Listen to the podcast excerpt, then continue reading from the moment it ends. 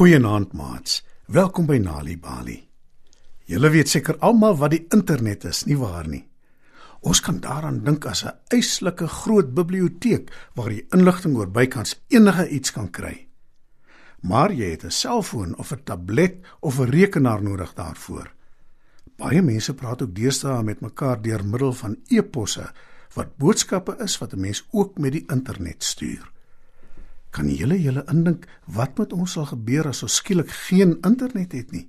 Dis waaroor vanaand se storie gaan.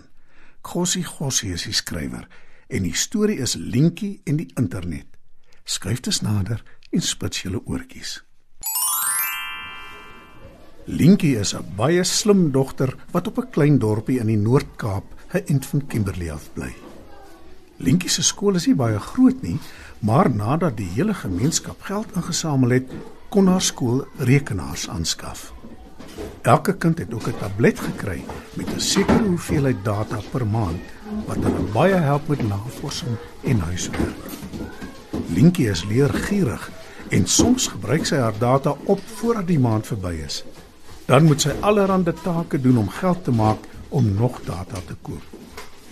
Lientjie se heel grootste vrees is dat daar eendag skielik net geen internet sal wees nie. Haar ma lag vir haar wanneer sy dit sê, want rekenaar maar dis tog nie moontlik nie. Maar Lientjie het 'n baie ryk verbeelding. Dit maak die lewe soms moeilik vir haar en sy kom dikwels in die moeilikheid daaroor, veral wanneer sy sit en dagdroom in die klas. Lientjie ruk sy skrik toe die skoolklok skielik lui. Sy was ver weg op heeltemal 'n ander plek.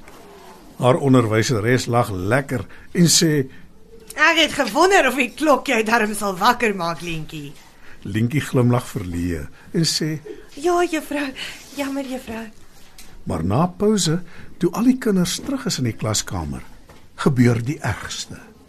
Daar is skielik geen internet nie. Dit beteken dat niemand die take waarmee hulle besig is op die rekenaars kan voltooi nie. Die skoolhoof kondig af dat die kinders maar vroeër kan huis toe gaan. Almal juig van blydskap behalwe Lientjie. Hulle het nie internet by haar huis nie en haar voorafbetaalde data vir die maand is op. Die aand slaap Lientjie sleg en sy droom aan mekaar. In haar droom is dit haar taak om die internet weer te laat werk maar sy kry dit nie reg nie. Die volgende dag is Lientjie moeg en sy stap sleepvoet skool toe. Sy is baie verveeld want daar is steeds geen internet nie en sommer gou is Lientjie vas aan die slaap. Lientjie, kom asseblief na my kantoor toe. Lientjie skrik haar boeglam toe sy die skoolhoof se aankondiging oor die skool se luidspreker hoor. Haar juffrou kyk streng na haar en sê: "Toe Lientjie, opskit. Jy kan nie die hoof laat wag nie." Lientjie spring op uit haar stoel. Haar hart klop in haar keel, maar sy glimlag dapper en sê: "Ja, juffrou, ek gaan dadelik." Lientjie stap na die hoof se kantoor toe. Sy wonder hoekom hy haar wil sien. Daar aangekom, laat sy sekretaresse haar dadelik ingaan. Die hoof groet haar vriendelik en sê: "Sit gerus, Lientjie." Jy wonder seker hoekom ek jou laat kom het. Linkie knik instemmend. Sy is te bang om te praat. Toe verduidelik die skoolhoof vir haar dat die probleem wat die skool en hulle hele dorpie tans met die internet bevind groter is as wat enige iemand aanvanklik voorsien het.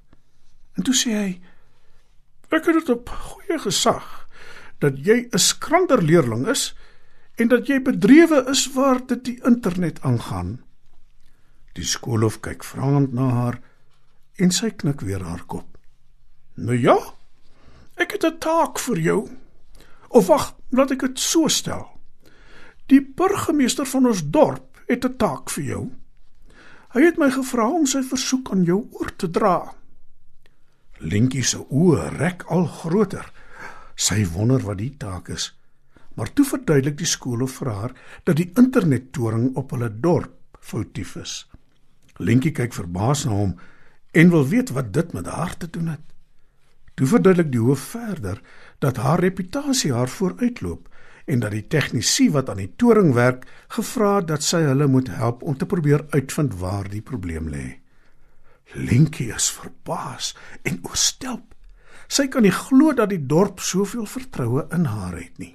Natuurlik sal ek help, meneer. Sê sy skaam, dog trots. Ek hoop net ek kan. Die hele dorp het volle vertroue in jou, Linkie, verseker die skoolhoof haar. Hy begelei haar na buite na die skool se parkeerterrein waar daar 'n amptelike motor op haar wag. Linkie kan nie glo toe sy sien die burgemeester self sit agter in die motor nie. Die drywer spring fliks uit die motor en maak die deur vir haar oop. Linkie klim in en gaan sit langs die burgemeester. Hulle gesels land en sand op pad na die dorp se internettoring toe. Linkie is nie eers skaam in sy geselskap nie. Daar aangekom, klim Linkie uit en begin die tegnisi help. Kort voor lank is die fout herstel en die hele dorp het weer toegang tot die internet. Die tegnisi en die burgemeester en sy drywer klap hande. Linkie giggel en maak 'n buiging. Linkie. Linkie. Linkie skrik wakker en maak haar oë oop. Al die kinders in haar klas lag vir haar. Sy kyk verbaas rond en wonder wat sy in haar klaskamer doen. En waar is die burgemeester? En die tegnisi wonder sy. Toe sê haar onderwyseres streng: Terwyl jy gedroom het, is die internet op die dorp herstel. Ek weet. sê Linkie. Ek het gehelp daarmee. Die hoof het my eers laat roep oor die interkom. Uh, Juffrou onthou mos. Die burgemeester het my gewag in sy kar. Nou lag die kinders eers. Linkie se juffrou glimlag simpatiek en sê: Ai, Linkie. Jy en daai verbeelding van jou. Linkie besef sy het alles gedroom en laat sak haar kop skaam. Die kinders lag weer, maar toe sê haar juffrou: Dis genoeg kinders. 'n Verbeelding is 'n baie kosbare besitting. Linkie glimlag dankbaar toe haar juffrou vir haar knipoog. Sy het nou wel net gedroom, maar sy voel glad nie meer skaam daaroor nie. Laat die ander kinders maar lag. Sy wat Linkie is, gee glad nie om nie. Want die internet werk weer. Wanneer kinders tuistories hoor, help dit hulle om beter leerders te word op skool. Vir meer stories om vir kinders voor te lees of vir stories wat kinders self kan lees, besoek ons by www.nalibali.mobi. Daar is heelwat stories in verskeie tale absoluut gratis beskikbaar. Daar is ook wenke oor hoe om stories vir kinders te lees en met hulle te deel sodat hulle hulle volle potensiaal kan ontwikkel. Nalibali is ook op Facebook en daar is Nalibali stories en aktiwiteite in bylaas van koerante. Story Power bring dit huis toe.